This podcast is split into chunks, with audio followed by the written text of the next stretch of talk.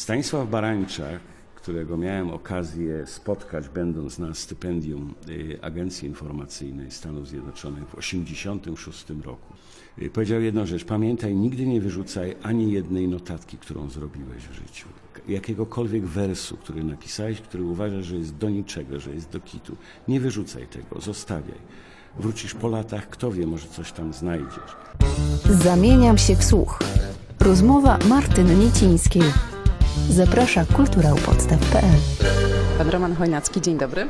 Dzień dobry pani. Czy czytał pan notatkę o sobie na Wikipedii? Tak czytałem, z próżności. Czy wszystko jest zgodne z prawdą? Wie pani, nie analizowałem tego pod tym kątem. Sądzę, że jest to dla celów y, bardziej informacyjnych. Chyba najbardziej y, dokładną wersją mojej biografii i twórczości jest y, ta, która pojawiła się w słowniku pisarzy Polskiej Akademii Nauk. Natomiast Wikipedia jest Wikipedią, no ale ktoś, kto by chciał, na przykład może przeczytać. Mnie zaintrygowało to, że pana pierwszy arkusz poetycki Głos Pierwszy podobno zaginął w niemalże całym nakładzie, tak głosi Wikipedia. Ja nie sądzę, że zaginął w całym nakładzie. Ja nie mam egzemplarza, to fakt. To było wydane techniką prawie ręczną w klubie studenckim. Ale ja przypuszczam, że może ludzie gdzieś mają jeszcze. Czy to w całości zaginęło, nie jestem przekonany, nie wiem. Czy nie ma co się doszukiwać jakiegoś Nie, drugiego Ja dna? nie sądzę, nie, nie. Nic mistycznego nie wydarzyło się. A co to znaczy, że był pan nauczycielem w konsulacie USA? Y, To znaczy dokładnie to, co jest napisane. Ale nauczyciel jest w cudzysłowie. Tak, bo to tak się należy to, tak należy to określić, że ja byłem w cudzysłowie nauczycielem w konsulacie amerykańskim.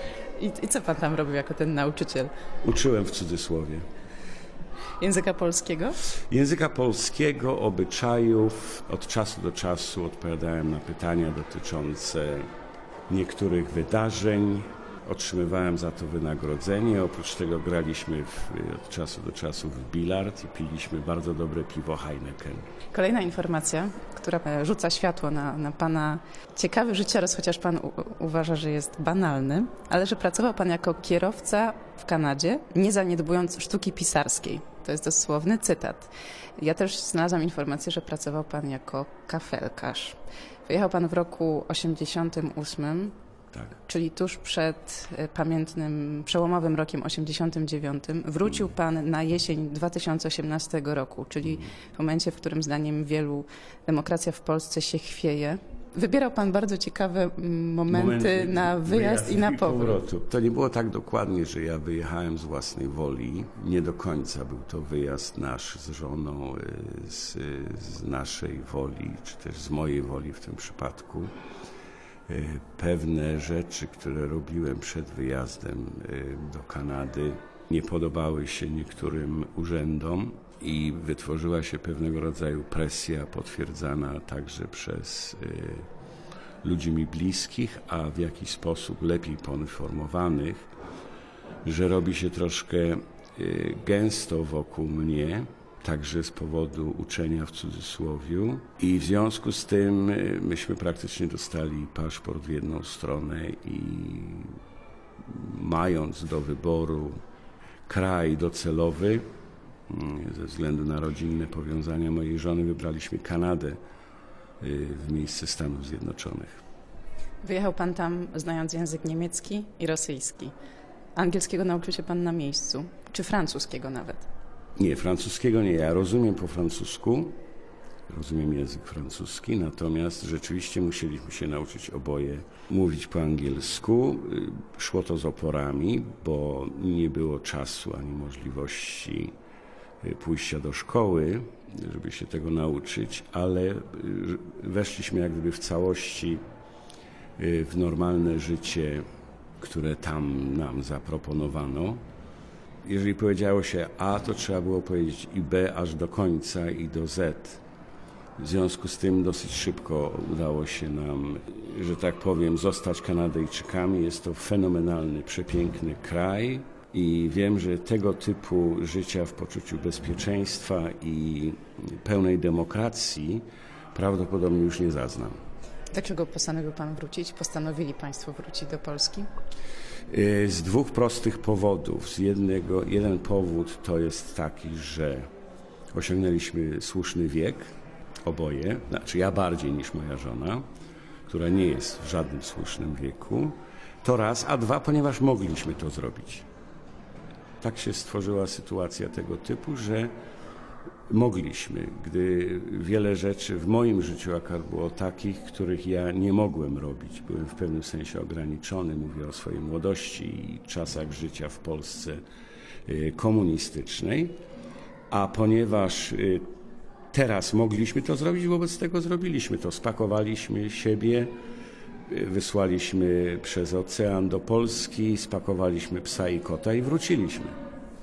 Zostawili tam Państwo dom, przyjaciół, nowych przyjaciół. Nie nazwałbym tego przyjaciółmi. Jest bardzo trudno o przyjaźń, e, e, gdy jest się emigrantem. Jest to temat na zupełnie odrębną, jak gdyby, rozmowę. E, Nie, nie zostawiliśmy domu, sprzedaliśmy po prostu. Miałam na myśli te miejsca oswojone, polubione, do których się ludzie przywiązują, jak mieszkają gdzieś 30 lat. Y, Wie pani, oprócz y, pięknych obrazków, które można oglądać w Kanadzie, najważniejszą rzeczą, którą porzuciliśmy, to jest to, o czym powiedziałem przed chwilą.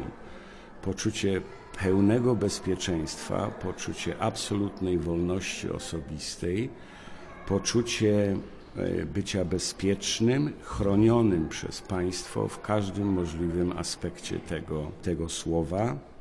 Y, Dlatego utrzymujemy obywatelstwo kanadyjskie, nie zrzekliśmy się tego obywatelstwa, bo ten rozdział naszego życia był, y, jest nie do wyrzucenia jak gdyby z naszego ego, które przywieźliśmy tutaj do Polski i które chcemy czy nie chcemy, bardzo często konfrontujemy z obecną realnością w Polsce. Kiedy Pan przyjechał do Kanady, to pomyślał Pan sobie, że niezależnie od tego, co Pan tutaj będzie robił, to nadal będzie pisał?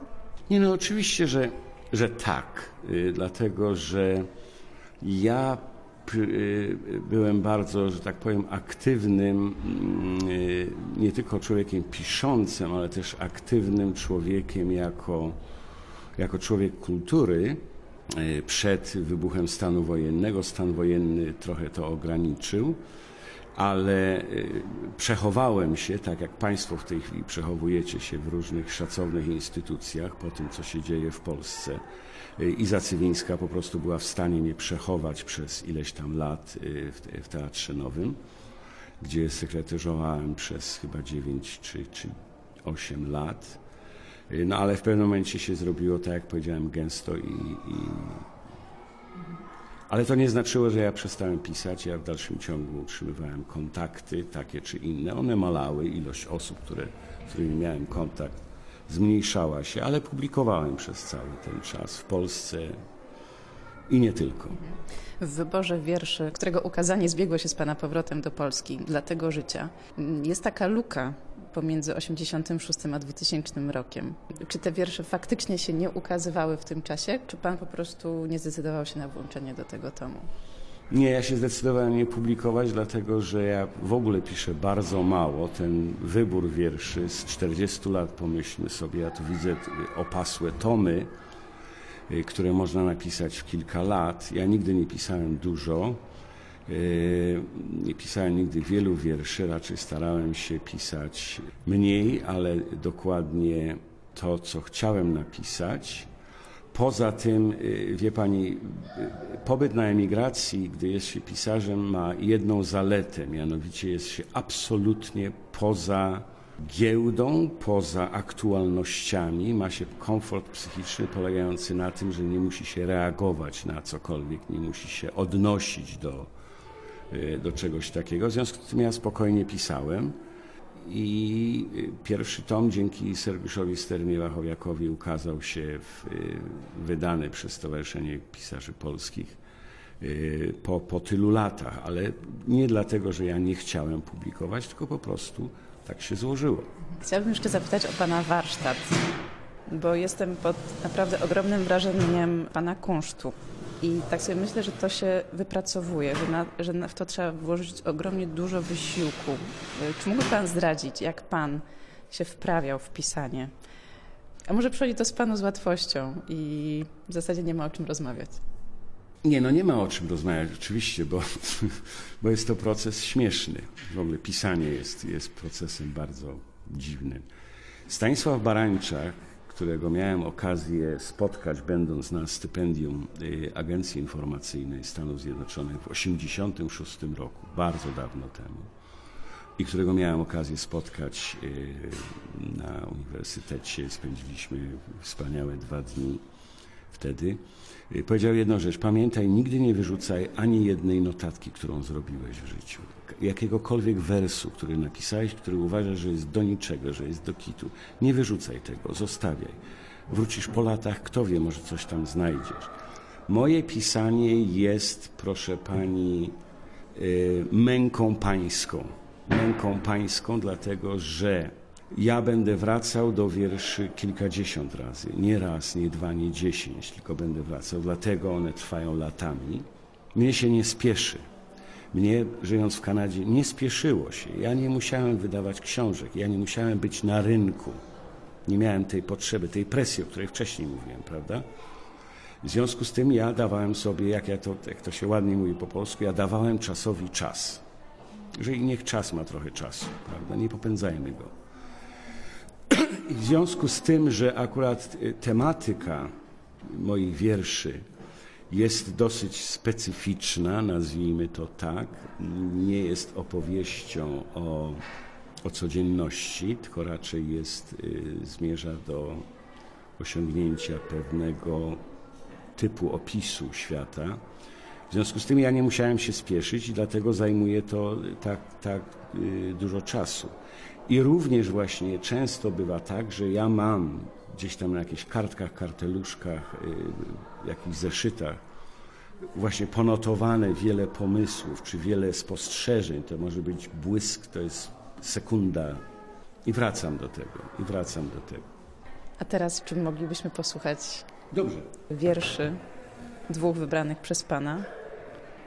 To są wiersze mm, jedne z najnowszych. Jest to piosenka o Polsce. Może trochę heretyckie, ale czy ja wiem. Moja pierwsza kobieta miała smukłe, małe stopy. Pieściła nimi sękate mchy i wysokie progi. Moja druga kobieta miała smutne, białe serce. Nosiła je dumnie jak każda ulicznica. Moja trzecia kobieta miała mało słów na obronę, chociaż podobno narodziła się z bajki i lubiła kochać się w bramie kościoła świętego Jana. Moja ostatnia kobieta zamieszkała we mnie. Jest zwykle zmęczona światem i zakupami. Umiera czasem w drzwiach do mieszkania i nie zdąży dojść do pańskiego stołu. Nigdy za wiele kobiet, by napić się dobrej krwi z nadgarstka, lub wody z rynny, lub zimnej wódki, prosto z karawki, w kącie piwnicy, w pustym domu, nucąc zapomniany hymn. W którym roku powstał ten wiersz? Czy ja wiem, ja nie pamiętam. Drugi wiersz. Natomiast ten wiersz, który proponuję jako następny, pierwsza część tego wiersza powstała bardzo, bardzo dawno temu. Natomiast przyznaję się, że druga część tego wiersza i może i puenta jest po części refleksją, która w momencie, kiedy zacząłem psychicznie przy, przyzwyczajać się do myśli o powrocie do, do, do kraju, przyszło mi coś takiego do głowy i dlatego postanowiłem zapisać. Czy to zostanie ewentualnie, gdyby jakiś szaleniec chciał znowu publikować moje wiersze w tej wersji, nie wiem, ale on nie ma tytułu. Zostańmy w sobie w imię Ojca i Matki i synów i córek i Ducha Świętego i Świętej Duszy i w imię siebie zostańmy. Za oknem pada młody, piękny, pełen gnoju i robactwa deszcz. Czy jest to aluzja do czegokolwiek? Być może, albo w cudzysłowiu jest to znowu. Ja nie wiem. Dziękuję. A na końcu chciałabym odwieścić to pytanie, które już y, mogło paść w środku naszej rozmowy. Jak się panu y, żyje w kraju po powrocie? Jak się pan tutaj odnalazł? Nie, ja się nie odnalazłem, ja nie musiałem się odnajdywać w sumie, wie pani. Y, Podobno mówię bardzo dobrym polskim językiem. To prawda, bez akcentu. No, wie pani, wypadałoby, żeby pisarzowi poloniście nie wydarzały się różne. Chociaż podobno od czasu do czasu jeszcze mi się zdarzy wtrącić jakiś taki, taką muzyczkę z języka angielskiego. Bo jak pani wie doskonale, trzeba myśleć w danym języku, żeby nim dobrze się posługiwać. Nie tylko nauczyć się języka, ale myśleć w tym języku. Jak ja się znalazłem, proszę pani, to jest akt reemigracji. Czyli poza gigantyczną ilością formalności, które człowiek musi pokonać po to, żeby wyemigrować, bo myśmy wyemigrowali do Polski, prawda? To oprócz tego y, przechodzą mi czasem mm, dreszcze i ciarki, kiedy widzę, co się dzieje w Polsce.